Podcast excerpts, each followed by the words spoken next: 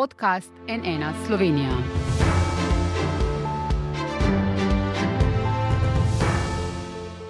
Dobrodan, to je NN studio. Manj kot tri tedne je do uradnega začetka kampanje pred oktobrskimi predsedniškimi volitvami. Zbiranje podpisov podpore voljivcev je za nekatere potencijalne kandidate na vrhuncu. Eden jih je že zbral, ena, ki jih sploh ni potrebovala, pa je tik pred prvimi nastopi v studijih iz bitke izstopila. Nekdanja kandidatka vladajoče stranke Gibanje Svoboda Marta Kos je bila v ta studio prvič povabljena že pred dvema mesecema in na to še dvakrat, a nikoli ni prišla. Za danes je njena ekipa sredi avgusta udeležbo vendarle potrdila, a je Marta Kos medtem odstopila od kandidature in Slovenijo takoj zatem tudi že zapustila. V studiu pa prav lepo pozdravljam Natašo Pircmusar in Anžeta Logarja, ki ima vse zadnje javnomnenjske ankete, kažejo uvrstitev v drugi krok. Dobro dan, dobrodošla. Dobar dan. Oba za svojo kandidaturo eh, zbirata podpise, oziroma vi ste jih že zbrali, gospod Logar. Vi, gospa Pircmusar, jih potrebujete 5000, koliko vam jih v tem trenutku še manjka? Natančnega podatka nimam, zato ker imamo način zbiranja podpisov povsem drugačen. Mi delamo po grozdih, vsak dan prihaja po pošti, jaz v zaledju nimam podpore nobene stranke, ki bi mi pomagala. Pomagajo mi v enem delu pirati in sem jim seveda neskončno hvaležna. Skratka, to terensko delo poteka s prostovoljci na prostovoljni pogon, eh, ampak eh, zagotovo jih bom eh, zbrala v roku in pozivam vse, ki bi mi še želeli dati podpis, da to seveda tudi. No, ampak ni vendarle nenavadno, da glede na to, da vam vse javnomnenjske ankete kažejo, da bi lahko v tej bitki zmagali, da pa podpisov uh, vsem tem času še niste zbrali. Ni to lahek zalogaj, je pa prijeten zalogaj. Jaz ga izkoriščam. Tudi če danes v tem trenutku imam 5000 podpisov, bom še vedno hodila po terenu, ker se mi zdi, da je ta stik z voljivci eh, izjemno, izjemno meni ljub, eh, potreben in ga bom izkoristila do konca. Ne morete pa zdaj še na te točke govoriti, ali jih imate zdaj 2, 3, 4 tisoč ali pet, uh, glede na to, da pravite, da v grozdih prihajajo te stvari. Vsak dan po pošti, uh mhm. -huh. vsak dan. Gospod Logar, kot kandidat s podporo stranke bi sicer potrebovali 3000 eh, podpisov in ste jih v bistvu zbrali že, že prvi dan, v nekaj urah, v treh dneh pa 12 tisoč, potem ste uh, zbiranje ustavili. Pravite, da kampanjo plačujete iz lastnega žepa. To pomeni, da vaša stranka SDS pri zbiranju teh podpisov ni imela uh, nikakršne vloge? Ne, jaz sem se obrnil na kolege iz stranke po različnih regijah in sem jih prosil, če pomagajo pri tem zbiranju podpisov. In odziv je bil dober. Da, eh, iz številnih objav na družbenih omrežjih izhaja, da so zbiranje podpisov organizirali občinski odbori eh, stranke SDS, eh, ki so vabili v bistvu pred upravne enote večji del vaših kolegov poslancev. SDS je tudi javno preko mreži v bistvu pozival. Ko daji podpisal za vas, želite imeti v bistvu podobo neodvisnega kandidata, tudi vaš predsednik. Predsednik vaše stranke Janes Janša vas je javno oklical za neodvisnega kandidata, ampak vendarle, glede na ulogo, ki je imela stranka pri zbiranju podpisov in pri dosedanjem poteku nagovarjanja voljivcev kampanje, kar je videti tudi iz javnih objav, da, da pa vendarle Eh, ima zelo veliko vlogo eh, eh, stranka pri, pri tej vaši kandidaturi. To je stranka z dolgoročno, dolgo, dolgo tradicijo demokratičnega delovanja, z zelo razvejeno mrežo in v vsakem primeru je lepo, da pomaga pri zbiranju podpisov. Zdaj v tem pogledu mislim, da je, sem vesel tudi vse teh podpore in pohval, ki jih dobivam ob tej poti. Moram reči, da sem bil sam močno presenečen nad pozitivnim odzivom ljudi na terenu in nad to frekvenco zbiranja podpisov. Zdaj, jaz sem sam nekako ocenil, da v enem tednu bomo uspeli zbrati dovolj podpisov za vložitev kandidature, pa v bistvu že v prvi dan sem presegel vsa pričakovanja. Ampak vi ste, to sem že tudi zadnjič, ko ste bili tu v studiu, podaril, pa bom še enkrat dolgoletni poslanec Slovenske demokratske stranke, zunajni minister v vladi, ki jo je vodila ta stranka, predsednik sveta uh, stranke SDS, ki je v bistvu najvišji organ med dvema kongresoma, uh, uh, pa vendarle uh, ne vas je predsednik uklical za neodvisnega uh, kandidata. Uh, zakaj? Kaj to pomeni? Rekli ste tudi, da v dnevni politiki ne sodelujete. Ali to pomeni, da imate v parlamentu kot poslanec zdaj dopust do konca kampanje? Uh, Neodvisno od uh, dogodkov, zdaj, če grem na kakšen celodnevni dogodek, potem seveda vzamem dopust, v nasprotnem primeru pa upravljam svojo poslansko funkcijo. Aha, torej, boste tudi normalno razpravljali v parlamentu. Recimo, ste mimo grede, eh, ste že dali svoje podpise za tri referendume, ki jih zdaj zbira vaša stranka? Ne, nisem dal. In jih tudi ne boste? Ne. Kako pa lahko to razumemo? Ja, ne vem kako. Da ne podpirate uh, teh treh referendumskih zahtev vaše stranke ali kako? Ne, lete, jaz sem v to kampanjo vstopil resno kot kandidat, odločil sem se za zbiranje podpisov. Um, največ, kar mi pomeni, mi pomeni ta neposredni stik z voljivci. In tudi jasno sem povedal, da v času te kampanje, da bom vse sile posvetil zgolj temu, torej temu cilju, da prepričam voljivke in voljivce, da podprejo mojo kandidaturo. Uh mhm. -huh in v dnevni politiki, eh, kot pravite, ne boste eh, sodelovali. Gospa Pirc Musar, notranje ministrstvo ste zaprosili, da vaš naslov posredujejo tudi bolnišnicam, domovom za starejše, zavodom, kjer tudi želijo zbirati eh, podpise voljivcev. Za vas pravite, da je to vse v skladu z zakonom, tudi ministrstvo za notranje zadeve pravi, da to lahko storijo vsi kandidati. Zdaj pravniki, s katerimi smo govorili, na ene ena pravijo, da je ta poziv sila nenavaden in tudi ne vidijo pravne podlage za takšno objavo. Če pa gre za odraz prijazne državne uprave, bi se moral poziv k objavi naslova po njihovem prepričanju nanašati na vse predsedniške kandidate. Če to ni bilo storjeno in ni bilo, se jim zdi verjetno, da bo kdo od kandidatov sprožil postopek zaradi neenake obravnave. Zdaj, potencijalna proti kandidata Ivo Weigl in Vladimir Prebelic sta že nakazala to možnost. Ivo Weigl celo pravi, da sploh ne bo zaprosil uh, za to možnost, ker se mu ne zdi primerna, vaša poteza jo je zelo negativno presenetila, čež da želite imeti prednost. Vas ne skrbi, da bi šel kdo še dlje in morda izpodbijal volilne rezultate zaradi tega? Eh, prav nič me ne skrbi, se pa čudim, da tudi ostali kandidati, ki zbirajo podpise, te možnosti ne izkoristijo. Dejstvo je, da je zakonodaja, mislim, da gre za zakon o volitvah v državni zbor, jasno določa, ki se ga subsidijarno seveda uporablja tudi za predsedniške volitve, da imajo vsi tisti, ki so nepokretni, možnost pred pooblaščeno osebo dati podpis podpore kandidatu, to so bolnišnice, zapori, um, domovi za starejše starejše. In zakonodaja je tukaj jasna. Pravi, da pred pooblaščeno osebo lahko, ampak da mora potem ta pooblaščena oseba te podpise poslati kandidatu, ki so mu ga ti. Uh, ki so mu to podporo ti podpisniki namenili. Če naslova nimaš, do te podpore ne prideš. In kolikor je meni jasno, mi nismo spraševali na Ministrstvu za notranje zadeve, ampak je nek dom za starejše vprašal za naslov, uh, kam lahko pošljajo podporo meni, in je potem Ministrstvo za notranje zadeve nazaj odgovorilo, da se še noben od kandidatov ni odzval in ni Eh, predal naslova. Potem je ta dom za starejše nekako prišel do našega štaba in smo mi poslali na naš naslov. In to je vse. Vsak ima to možnost. Moram pa še eno stvar povedati. Ta praksa ni nova. Ne vem, zakaj se zdaj ob letošnjih predsedniških volitvah to izpostavlja.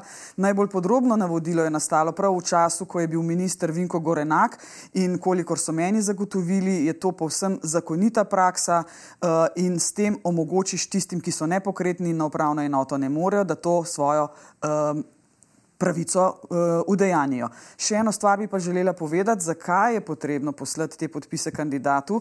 Zato, ker pooblaščena oseba v zaporih ali v domovih za starejše ali bolnišnicah nima dostopa do centralnega registra prebivalstva. Skratka, ti podpisi morajo priti v roke kandidatu, ki mora potem iti na upravno enoto, da uslužbenec upravne enote zabeleži oddan glas in preveri volivno pravico. In to je lahko edino kandidat, ki v tem zadnjem koraku mora to storiti. Vi ste zdaj za to možnost vedeli, a ne očitno ostali kandidati niso, pa se vam ne bi zdelo, ne vem, fair, pošteno, da bi Ministrstvo za notranje zadeve pač že v začetku vse potencijalne kandidate obvestilo, da to možnost pač imajo. Zaradi tega, ker zdaj ste pač vi deležnih očitkov, da, da se vas privilegira, da vam ministrstvo celo pomaga pri izbiranju podpisov, zdaj vaša potencijalna protikandidatka, s katero ste se že pogovarjali v tem studiu, Nina Krajnik pravi, da je to prvovrsten političen škandal, ne celo poziva vas, da odstopite od kandidature. Ne, Peter Jambrek, njen glavni uh, podpornik, pravi, da bi morala biti ministrica za notranje zadeve deležna uh, ustavne obtožbe. Torej, se vam ne bi zdelo pravično, da bi ministrstvo vse obvestilo o tem? Jaz ne vem, zakaj niso, ampak kolikor vem, so vedno čakali na zahteve kandidatov. Jaz sem za to izvedela in to svojo možnost izkoristila. Me pa čudi, da uh, moji protikandidati ne želijo izkoristiti te možnosti zdaj, ko vedo. Ali pričakujete, morda prej sem vprašal glede rezultata volitev, da bi bili lahko morda zdaj vaši podpisi pod vprašanjem, da se lahko to zgodi? Ti Če se to podpisi- zgodi, kaj potem? Ti podpisi nikakor ne morejo biti pod vprašanjem, zato ker so vsi verificirani na upravnih enotah in jaz jih moram uložiti na državno uh, volilno komisijo. Mhm. Zdaj, vi, gospod Logar, eh, vi v tem ne vidite nobenih težav, ste rekli včeraj v Tarči, pa je še po tej izjavi, ne, vaš predsednik Janez Janša tvitev, kako je to zloraba eh, državnih ustanov, zrelo za kazansko ovadbo, ker da so naslov gospe Pircmusar objavili samo zato, ker nima dovolj uh, podpisov. Zdaj, vi se od napovedi kandidature kar pogosto, sicer bolj tako po ovinkih, distancirate od potez in stališč večjega dela stranke, katere poslanec in kot sem dejal, tudi predsednik sveta ste. Kako zdaj mi lahko razumemo te vaše poteze v, v, v zadnjem času? Ne, se ne distanciram, jaz povem, kaj o dotični stvari mislim. No, ampak ugradili ste se od kar nekaj stališč vidnih članov stranke, tudi včeraj ste, ste to storili. Na tej točki vas seveda lahko vprašam, ali se lahko ogradite ali obsojate tudi tweet, zaradi katerega je bil obsojen vaš predsednik o prostitutkah. Ne, podarimo, ne gre za prostitutke, ampak uporabil besedo prostitutke. Tudi uh, odvetniška pisarna Pircmusar je zdaj recimo uh, sodelovala pri uh, zadevi ukradena vila, kjer se mora zdaj opravičiti stranki SD zaradi tvitev ukradeni vili. Kaj pa te tviti? Se tudi o teh ograjujete, tudi te tvite obsojate? Jaz bi si želel, da je ta predsedniška tekma tekma tistih, ki kandidirajo, ne tekma tvitev ali pa izjav posameznih uh, ljudi. Zdaj, Ampak prav je, da vas poznajo volivci. Ne, da ve, Sej, jaz vedo, mislim, da me poznajo glede na nabor uh, sporočil, ki jih imam na svojem Twitter profilu. Tiste, ki sem retvital, sem jih retvital zato, da jih širim, tiste, ki sem, ki sem jih všečkal, sem jih všečkal zato, ker se z njimi strinjam. Ostalo pa, če tudi izhajajo iz mojega miljeja, nisem in verjetno sem s tem tudi podal svoje sporočilo. Ustrajate, da to s podpisi, kar ste tudi že včeraj povedali, glede na to, da se danes pojavljajo pač novi pozivi, vaš predsednik pravi, da je zrelo za kazensko vadbo, da je to vse ok. To, je... No, to sem že včeraj povedal, da me preseneča um, brzina ministrstva za notranje zadeve in potem tudi vseh organov, ki so odreagirali na dopis uh, volilnega štaba gospe Pirc Musar. Že naslednji dan, že naslednji dan so vse institucije dobile navodilo, naj ta naslov objavijo in tako je bil ta naslov objavljen po celi mreži institucij, ki so bile naslovljene. Zdaj, mene je vprašanje pri tem, ki se mi poraja, da če bi povprečni državljan želel od Ministrstva za notranje zadeve, da ne naredi neko podobno upravno dejanje, ali bi tudi v tem primeru že naslednji dan vse institucije imele uh, enako storitev, kot so imele storitev v tem primeru. Zakaj pa se poraja ta problem pri um, rekel, evidentiranju podpisa nadaljavo? Namreč ti podpisi, ki so v zaporih, če se jih zbira in v recimo, domovih starejših občanov, so brez naslovnika, torej so brez imena, komu daješ podporo. In kaj pa, če nekdo želi dati podporo meni, pa gre ta papir skupaj z drugimi na naslov oziroma v potrditev podpore nekomu drugemu. Za me to ni težava, ker sem ustrezne podpise že zbral. Se pa verjetno strinjam, da bi ravno zaradi nekega videza nepristranosti Ministrstvo za notranje zadeve res lahko pozvalo vse kandidate, da so dobili to prošlo in da vse pozivajo naj se v roku enega dneva uh, izrečejo ali želijo, da so tudi njihovi naslovi uh, na teh institucijah, ki potem zbirajo diplomatsko-konzularna predstavništva, uh, bolnišnice, UKC, potem zapori, vzgojni zavodi in tako naprej. Mhm. Slišali smo, ne čudi se hitrosti, s katero je notranje ministrstvo v bistvu na ta vaš poziv oziroma prošnjo reagiralo. Jaz bi vendarle rada prej dodala še nekaj. Gospod Anžel Logar je zdaj le rekel, da so samo ti podpisi, ki se zbirajo v bolnišnicah in domovih za starejše in zaporih brez imena in prijimka kandidata. To ne drži. Ne, ne, vsi so. vsi. Ja, Vsi so, ja. Potem se niste dovolj natančno izrazili. Vsi podpisi podpore so brez kandidata. Zato je tako zelo pomembno, da pridajo v roke tistega, ki mu je podpora namenjena. Zakaj hitrost? Veste, pri volitvah, kolikor vem, so vedno hitri, volivna upravila tečejo. Volitve so največji izraz demokracije v vsaki državi. In kolikor vem, je, mislim, da prav leta 2012, ko je gospod Gorenak eh, bolj podrobna navodila dal, zato zaprosila ravno stranka SDS ob enem od referendumov. Skratka, ta možnost ne obstaja zgolj za predsedniške kandidate, ta možnost obstaja za župane, ta možnost obstaja za neodvisne kandidate, ki želijo eh, kandidirati na parlamentarnih volitvah in ta možnost obstaja seveda tudi za vse referendume. Nič novega ni. Ne razumem, zakaj v bistvu ob teh predsedniških volitvah to tako vroča tema. To je zadnjih 15 let stalnica v Republiki Sloveniji. Jaz sem klicala na eno od upravnih enot in so mi potrdili, so rekli, gospa Pirc Musar, mi to delamo ob vsakih volitvah.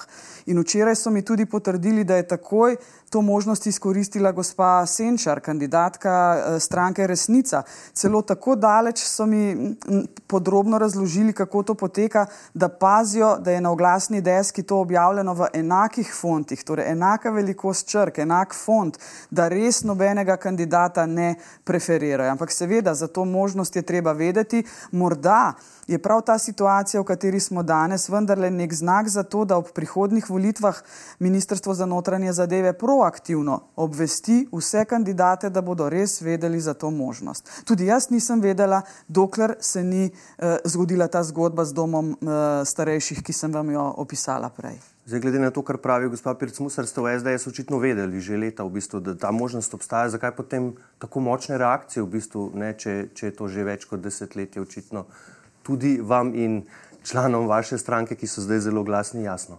Pa sej, moj štab, ne jaz nisem odreagiral na, na ta vprašanja. Stranka pa je ne? zelo močno in še vedno reagira, in tudi predsednik se še vedno o tem oglaša. Ne? Ja, vi se pa od tega očitno ogrevate. Eh, Povejte mi, eh, prosim, s kakšnim rezultatom teh volitev boste osebno zadovoljni in kaj boste štela kot poraz najprej, gospa Pircmusar? Mislim, zame osebno uh, bo zagotovo naj, rekla, veselje in bom zadovoljna, če se uvrstim v drugi krok. S tem sem seveda tudi že povedala, kaj mi ne bi bilo veselje, to, da se ne bi uvrstila v drugi krok. Jaz um, računam na to, no, da drugi krok seveda bo, vso svojo energijo vlagam v to, uh, ne hodim po terenu samo okrog voljivcev, ampak tudi okrog ljudi, ki znajo več od mene uh, na določenih področjih. Pred dvema dnevoma sem recimo bila na Zvezi gluhih in naglušnih, seznanjam se z težavami, problemi ljudi, eh, ki so recimo bolj na obrobju. Skratka, delam na tem, da se uvrstim v drugi krok in to bi bil zame uspeh. Gospod Logar? No, jaz probleme ljudi na terenu že precej dobro poznam, uh, predvsem pa želim z tem obiskovanjem uh, preveriti, um, katere so tiste uh, najpomembnejša vprašanja, uh, ki jih ljudje pričakujejo od predsednika republike. In, uh, jaz smatram, da je največji, največji zalogaj ali pa največji pomen te funkcije v prihodnih petih letih, da povežemo Slovenijo, v bistvu, da stopimo skupaj, da sodelujemo, da najdemo tisto, kar nas povezuje, ne tisto, kar nas deli. In da to lahko dosežemo, zdaj smatram uspeh zmago na volitvah. Pa, če lahko še dodam, zagotovo je seveda ne, uspeh, ki ga pričakujem in si ga želim, zmaga v drugem krogu. Da. Uh, gospod Logar, zgodovinar in analitik Luka Alisija Gabrielčič je v kolumni za NN pisal, da se v bistvu vse vrti okoli vas, da sicer nimate veliko možnosti za zmago, ocenjuje, a da bi bil že poraz v drugem eh, krogu uspeh, da je srebrna kolajna marsikdaj politično bolj vredna uh, od zmage. Pravi, citiram, če bi se izkazalo, da obstaja politik SDS, ki lahko na nacionalni ravni prebije magično mejo 30 ali morda v drugem krogu celo 40 odstotkov glasov, bi to utegnilo prvič po dolgih desetletjih resno zatresti položaj Jana Zajanše na čelo stranke. Konec citata. Kako to komentirate? Zdaj, kjer je del kolumne? Ta, ki sem vam ga Srebrno citiral, medaljo. Ta, ki sem vam ga ravno kar citiral. Ja, ima nekaj sporočil. Um, lejte, ko sem jaz nastopil, oziroma ko sem objavil svojo kampanjo, prvo vprašanje novinarjev je bilo, če je za me torej tisti ključni uspeh, ki ga dosežem, želim doseči s to kampanjo, uvrstitev v drugi krog. Ne, pa sem rekel, ne, zmaga. Skratka, jaz grem v to tekmo, v to predsedniško kampanjo res z iskrenimi nameni, z nekim jasnim programom, ki je utemeljen na petih točkah, ki jih želim v času te predvolilne kampanje predstaviti uh, voljivkam in voljivcem, torej slovenkam in slovencem. Če jih bom uspel prepričati, z dovolj, dovolj velikem številu bo to uspeh, če ne bom uspel prepričati, pač bom uh, potem razmišljal o drugih variantah. V tem trenutku razmišljam zgolj samo o tem. Če jih ne boste uspeli prepričati, je vseeno to vprašanje kar na dlani in prosim za konkreten odgovor. Se vidite v prihodnosti, če ne boste predsednik republike na čelu SDS? Nisem razmišljal o tem. Potem pa nam to povejte, prosim, kaj pa bi vi naredili, če bi bili šef stranke po aprilskem rezultatu na parlamentarnih volitvah, ko je Gibanje Svoboda dobilo rekordnih 41 poslancev. Bi vi ostali na čelu stranke kot trenutni predsednik, se umaknili, ponudili odstop, kaj bi storili? Zdaj sem se v politiki vedno izogibal vprašanjem oziroma odgovorom na vprašanje, kaj bi, če bi. Uh mhm. -huh. Potem pa razčistimo tole, uh, ker so takšne naše informacije, ali drži ali je res, da ste po izbruhu afere Vizek Petan, ko so v javnost prišli posnetki njunih pogovorov, pa tudi ne na zadnjem vladnem porazu na referendumu zakona o vodah, v stranki zagovarjali stališče, da bi moral Andrej Vizek odstopiti z, z mesta ministra za okolje in prostor, da ali ne. Ja, v tej smeri bomo razmislili. Ja. Mhm, -huh, ampak očitno pač eh, ni bil upoštevan. Ne? Zakaj pa ste, eh, če lahko potem to utemeljite, glede na to, da je bil vaš razmislek v tej smeri? Ker je moja, takšno moje videnje pač eh, neke politične funkcije oziroma neke obveznosti nekoga, ki je prevzel določen položaj. Ampak bolj konkretno zaradi referenduma ali zaradi afere Petan Vizija, kaj je bilo tu za vas tisto, kar je bilo bolj sporno?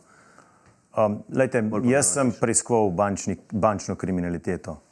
In eh, pri gospodu Petanu mm, je bilo kar nekaj dokumentov. In uh, morate razumeti, da jaz dobim ošpice, ko slišim uh, pač take prijateljske pogovore z gospodom Petanom. Uh mhm. -huh. Dobro, smo razumeli. Uh, gremo naprej. Gospa Pirc Musar, ali vi zdaj, po umiku Marte Kos, pričakujete uh, podporo Gibanja Svoboda? Predsednik stranke Robert Golop je že dejal, da svojega kandidata zdaj zagotovo ne bodo imeli.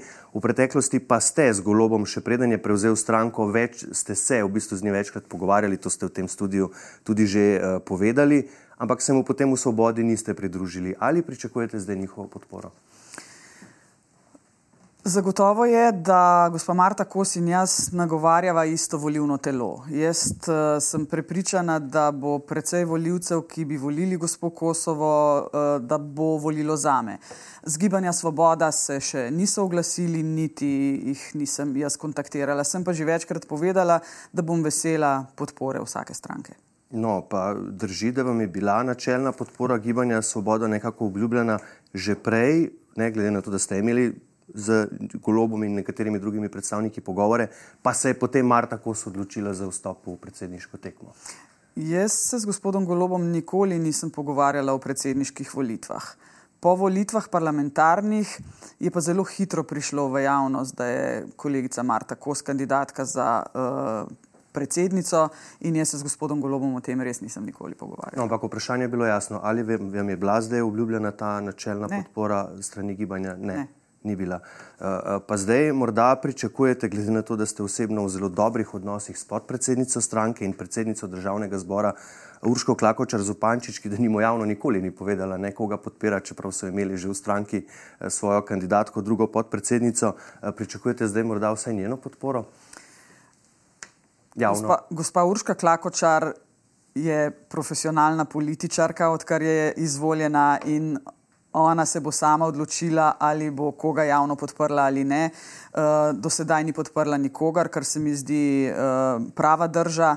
Um, je pa logično, da bo Gibanje Svoboda vendarle razmišljalo o tem, koga podpreti, in seveda bodo razmišljali o nekom, ki je na levi sredini. Zdaj tudi preostali dve koalicijski stranki nimata svojega kandidata, ko ste najavili kandidaturo, ste eh, v neformalnem pogovoru novinarjem, ki pa je bil posnet, ne, eh, dejali, da podporo levice zagotovo ne bi sprejeli, ker da se vam njihove vrednote zdijo preveč odmaknjene od vaših. Ste to stališče zdaj pripravljeni ponoviti tudi uradno? bom povedala, zakaj je pravzaprav do te moje nepremišljene izjave prišlo, ker kot nekdanja novinarka bi zagotovo morala vedeti, da off the record informacije pač niso off the record. Jaz sem se pred odločitvijo o tem, ali bom kandidirala, kandidirala ali ne, pogovorila z vsemi tremi ko koalicijskimi strankami. In uh, stranka Levica mi je povsem korektno po sporočila, povedala, da sem jaz za njih preliberalna kandidatka. No, in v tej luči je nekako bila moja izjava, ampak še enkrat povdarjam, jaz bi bila vesela tudi podpore levice, zato ker imamo vendarle precej skupnih točk. To je socialna politika, pravice delavcev. Lejte, če boste pogledali katerikoli program, jaz zagotovo pri vsakem najdem kakšno stvar, kakšen, kakšen uh, uh, podatek, s katerim se ne bi mogla poistovetiti. Tudi pri gibanju Svoboda in pri levici tudi. Ja, ste pa vendarle rekli, da, vam vrednote, da se vam zdijo njihove vrednote preveč odmaknjene od vaših. Gospod Logar, po zadnjih informacijah NN obstaja velika verjetnost, da vas vaša donedavna koalicijska partnerica NSI, če ne bo imela svoje kandidatke ali kandidata, ne bo podprla.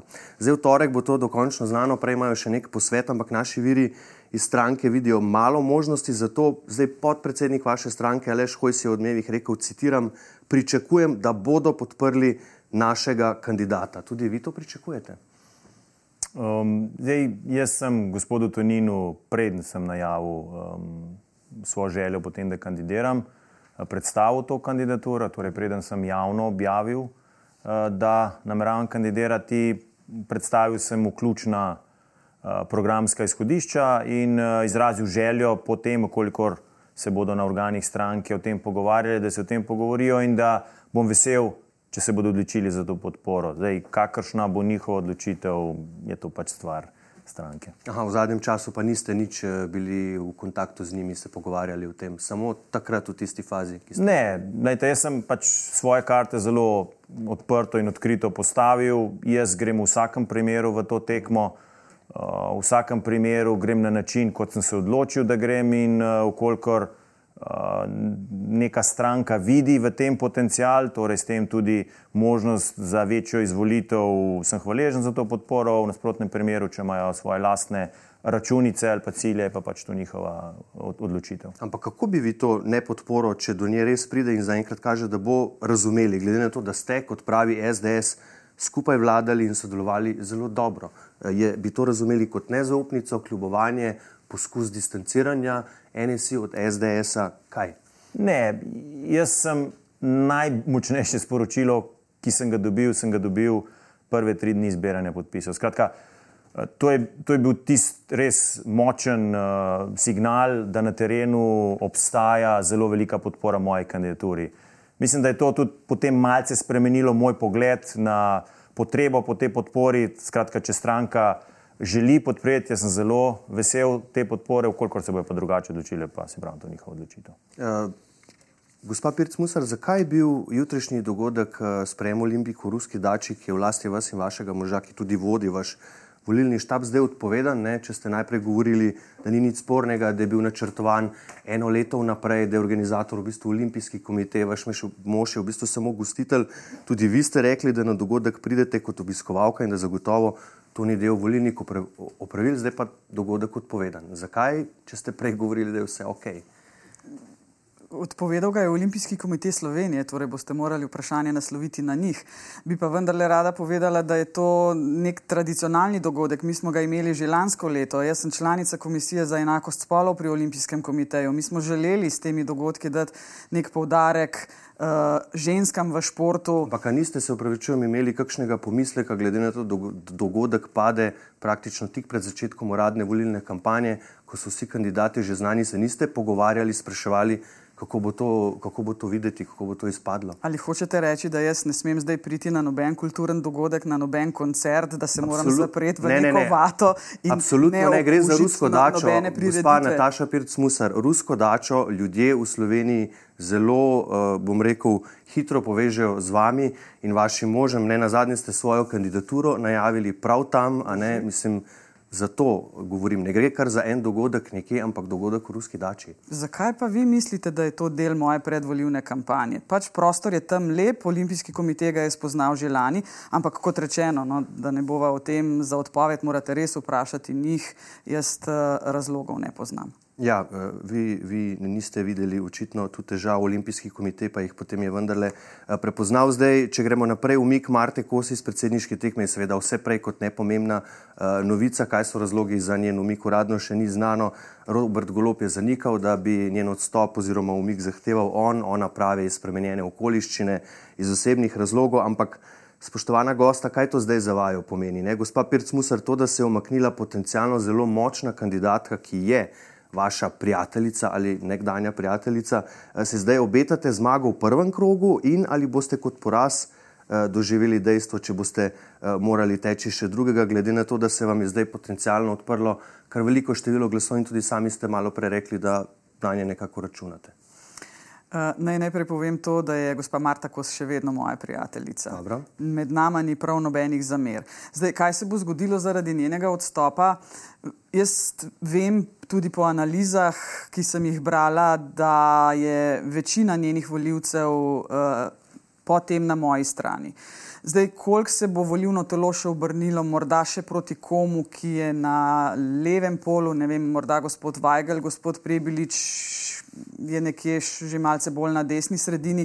Nisem politični analitik, vam ne znam uh, tega napovedati, ampak zagotovo bi bila pa seveda vesela že zmaga v prvem krogu.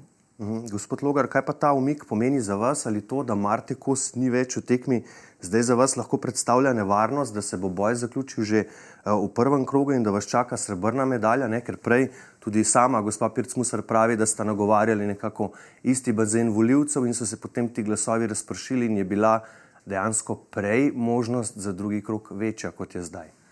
Zdaj, o, o medaljah bodo odločili voljivke in voljivci. Jaz mislim, da je še kar nekaj časa do uh, volitev, niti ne vemo, kateri kandidati bodo zbrali uh, dovoljšne število podpisov in ali bo še kakšna stranka svojim kandidatom vstopila. Tako da v tej fazi je preuranjeno govoriti, zagotovo gre to v prid uh, Nataši Pirc Musar.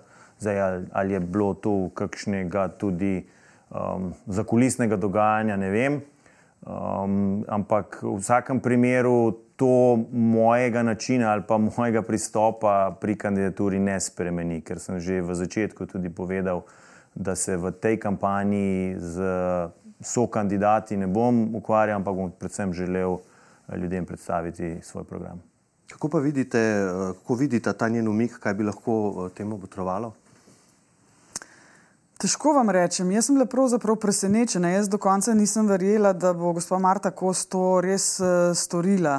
Ne, ker je, se upravičujem, ne, v bistvu ja. je še pred časom, ne tako dolgo nazaj, je zatrojevala, da to ne pride v poštev. Ne, da uh, kakršen koli umik, zdaj pa to ne. ne vem, za me je bilo res presenečenje in moram tudi iskreno povedati, da sem se veselila soočen z gospod Marto Koz, zato ker vem, da obe zagovarjava kulturo dialoga um, in, in nek nebrutalen politični eh, diskurs. Žal mi je, ampak razlogov pa žal tudi res ne poznam. Gospod Logar. No, jaz sem se z gospod Marto Kos pogovarjal na um, um, prazniku Žlikrofa v Idri, takrat se mi je zdela zelo odločena, uh, da gre še naprej, da tečemo skupaj. Uh, do prvega kroga, jaz sem jo takrat povabil, če gre z mano na tri glav, uh mhm. -huh. je bila kar zagreta, da, da bi šla skupaj.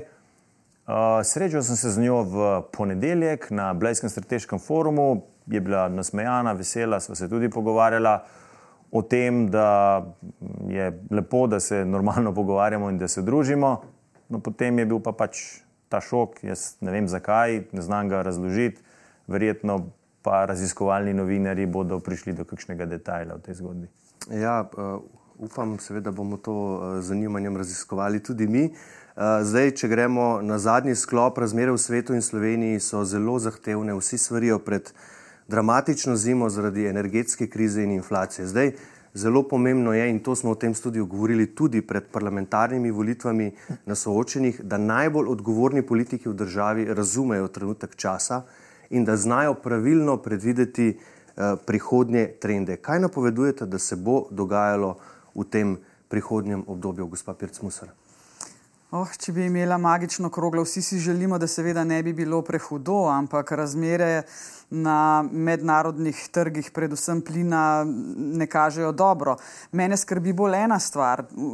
Zauzetost Evropske unije in Evropske komisije, da podpirajo vojno v Ukrajini, je morda zameglila prav ta energetski vidik. Uh, še vedno nam reče Evropska komisija, ni sprejela nove matrike, novega izračuna cene električne energije. Namreč ne vem, če gledalke in gledalci vedo, cena električne energije je meni nerazumno vezana na ceno plina. Skratka, tudi elektriko, ki jo pridobivamo iz atomske jedrske centrale in hidroelektrarn, je vezana na plin. Uh, Vendar Lajnova je vendarle zadnjič na Blejskem strateškem forumu uh, obljubila, da bodo to matriko spremenili.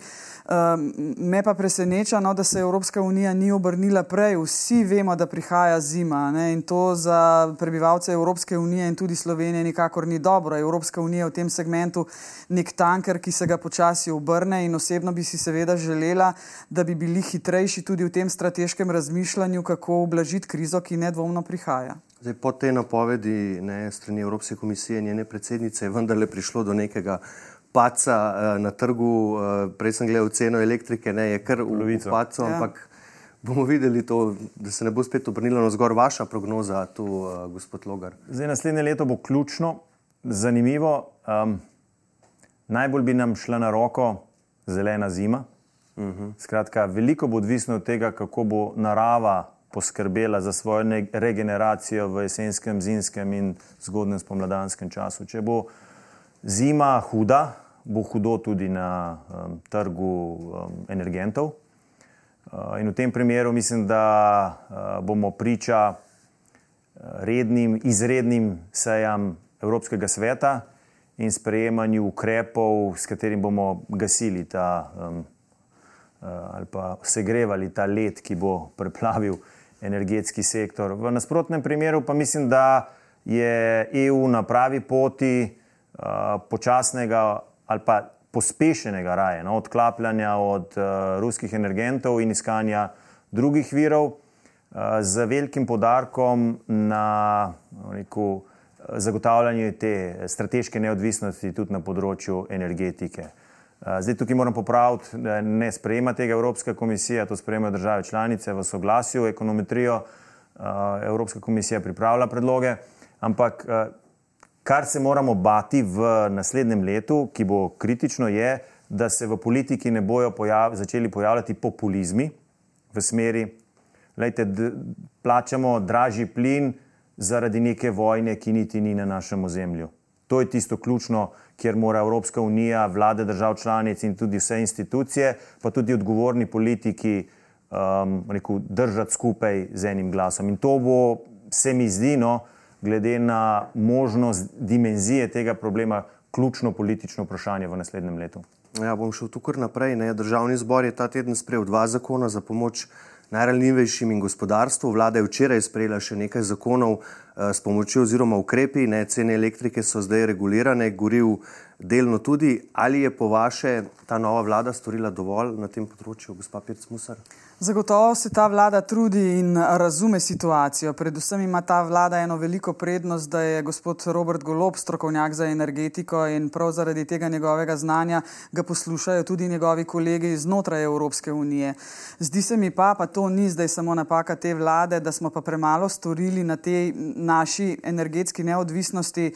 Uh, Slovenija namreč nima zbiralnikov za plin, torej mi ne, nimamo kapacitet, da bi to lahko hranili pri nas, da bi imeli zaloge, mi smo odvisni od zbiralnikov v Avstriji, delno v Italiji. Skratka, na tem področju jaz res pričakujem od vlade, predvsem zaradi znanja dr. Goloba, da bo znal uh, popeljati v pravo smer, kar se tiče uh, energetske uh, naše neodvisnosti. Res pa je, ne, da plin seveda sodi med fosilna goriva, to je nekaj, kar um, zdaj tudi znotraj Evropske unije na agendi, da moramo porabo fosilnih goriv seveda zmanjšati.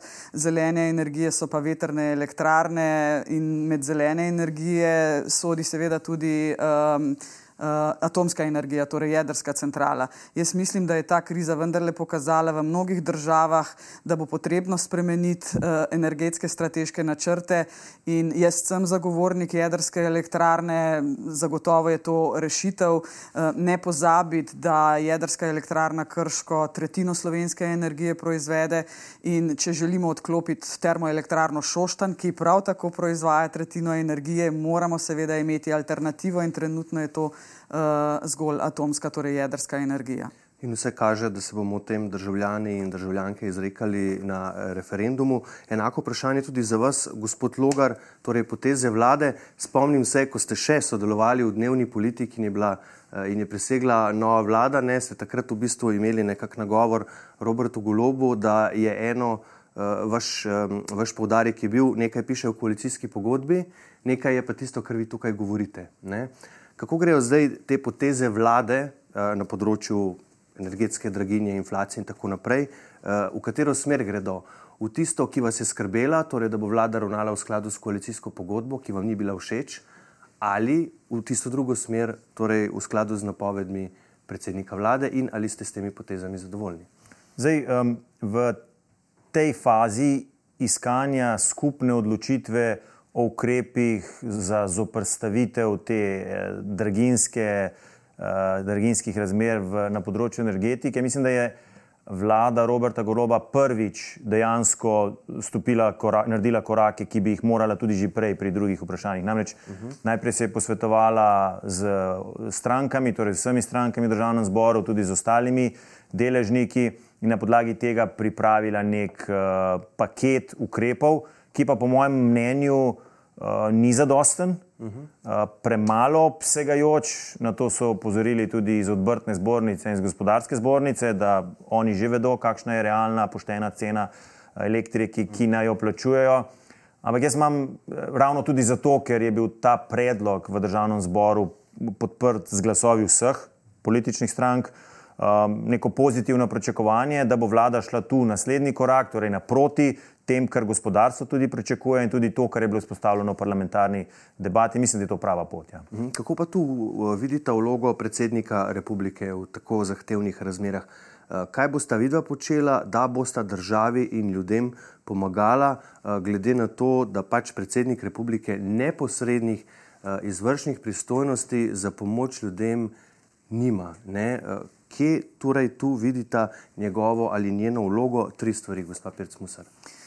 Treba je podariti, da je predsednik oziroma predsednica neposredno izvoljen. To mu daje veliko legitimiteto, moralno moč. Moja vizija je, da je treba ob strateških ciljih poenotiti, da, da se mora predsednik oziroma predsednica potruditi poenotiti oba politična pola. Jaz vidim štiri strateške točke, na katerih bi želela delati. Zdravstvena reforma.